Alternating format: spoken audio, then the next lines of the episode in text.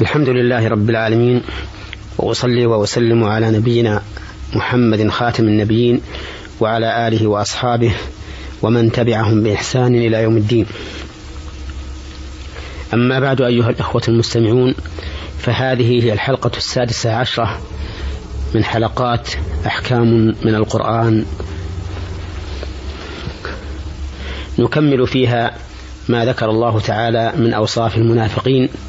الذين هم القسم الثالث من أقسام الخلق الذين ذكرهم الله في أوائل هذه السورة سورة البقرة. يقول الله تعالى وما يخدعون إلا أنفسهم. أي أن هؤلاء المنافقين الذين ظنوا أنهم خدعوا الله والمؤمنين بما يتظاهرون به من الإيمان وهم على الكفر. لا يخدعون إلا أنفسهم لأنهم غروها واغتروا بما صنعوا وظنوا أنهم, يحسبوا أنهم يحسنون صنعا. ولهذا قالوا وما يشعرون؟ أي لا يشعرون أنهم خدعوا أنفسهم ولهذا استمروا على ما هم عليه من النفاق. في قلوبهم مرض فزادهم الله مرضا ولهم عذاب أليم بما كانوا يكذبون. في قلوبهم مرض أي شك وريب ونفاق. فزادهم الله مرضا. أي أعطاهم مرضا أكثر من المرض الأول. وهذا كقوله تعالى وإذا ما أنزل السورة فمنهم من يقول أيكم زادته هذه إيمانا؟ فأما الذين آمنوا فزادتهم إيمانا وهم يستبشرون. وأما الذين في قلوبهم مرض فزادتهم رجسا إلى رجسهم وماتوا وهم كافرون. فهؤلاء المنافقون لما كانت قلوبهم مرضى صاروا يزدادون مرضا فوق مرضهم لأنهم كلما كذبوا شيئا وأنكروا شيئا ازدادوا بذلك كفرا وبعدا من الله عز وجل. ولهم عذاب أليم أي مؤلم بما كانوا يكذبون أي بسبب كذبهم حيث قالوا إنهم مؤمنون وما هم بمؤمنين. في هذه الآيات الكريمة يبين الله سبحانه وتعالى أن من الناس من ينافق والنفاق هو إظهار الخير وإبطان الشر وهو بالنسبة لحق الله نفاق عقدي مخرج عن الإيمان وبالنسبة لحق المخلوق نفاق عملي لا يخرج من الإيمان. كما قال النبي عليه الصلاة والسلام آية المنافق ثلاث إذا حدث كذب وإذا وعد أخلف وإذا أتمن خان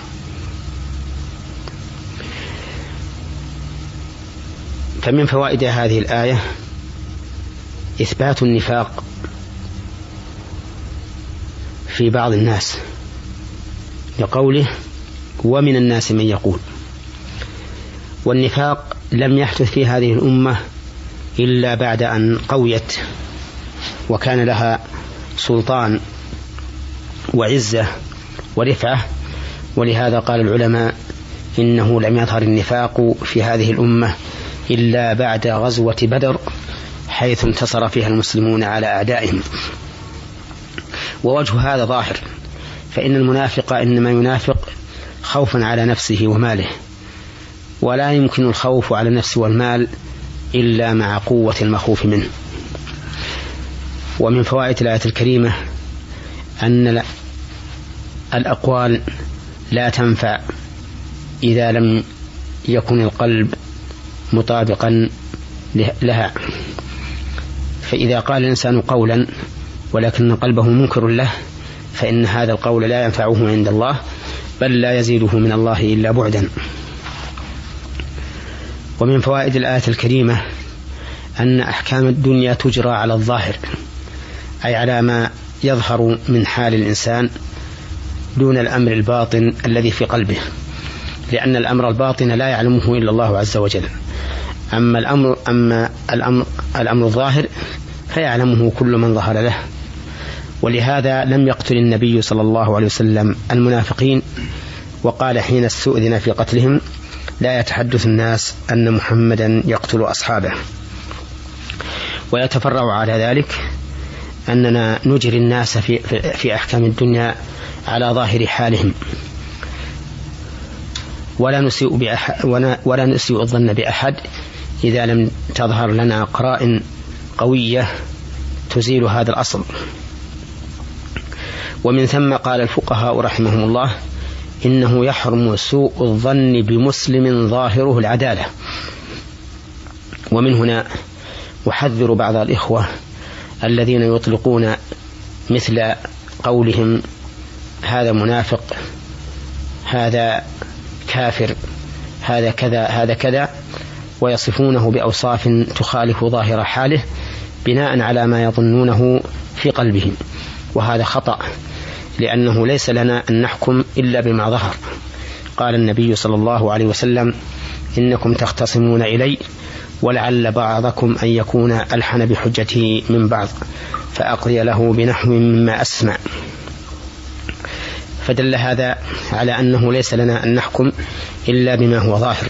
أما ما هو باطن فأمره إلى الله ولا يجوز لنا أن نرمي عباد الله بما يخالف ظاهر حالهم اللهم إلا إذا وجدت قرائن قوية تبين كذبه فهذا يحكم له بما تقتضيه الشريعة.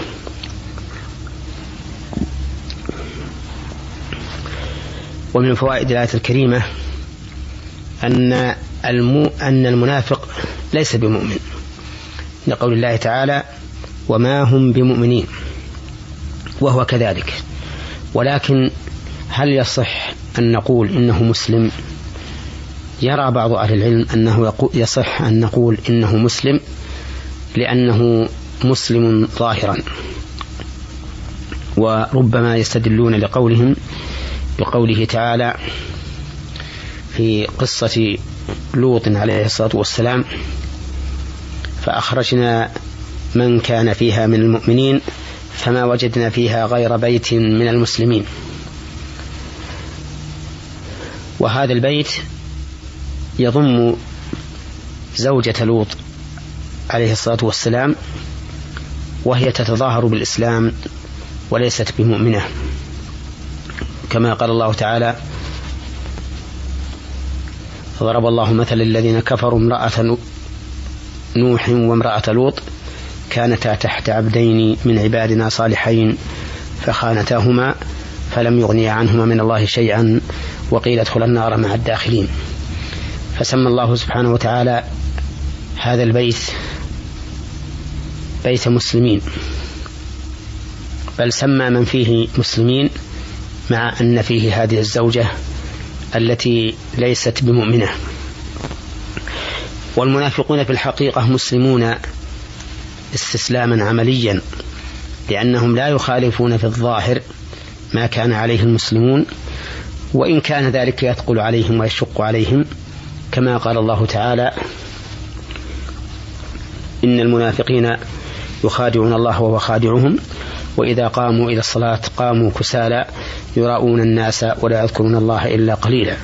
وقال النبي صلى الله عليه وسلم أثقل الصلوات على المنافقين صلاة العشاء وصلاة الفجر ولو يعلمون ما فيهما لأتوهما ولو حبوا وعلى كل حال فالمنافق إذا لم يظهر نفاقه ويعلنه فهو مسلم ظاهرا وإن كان غير مؤمن.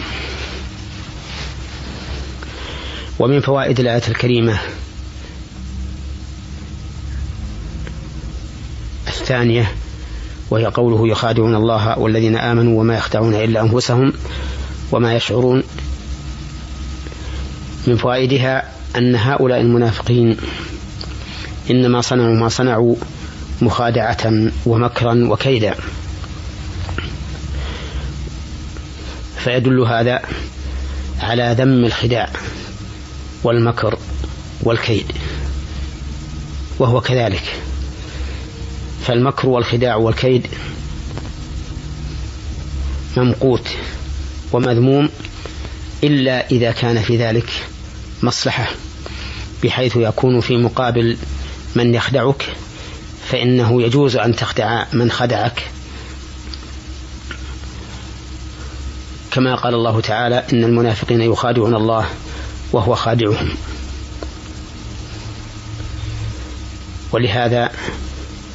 نقول إن الحرب خدعة.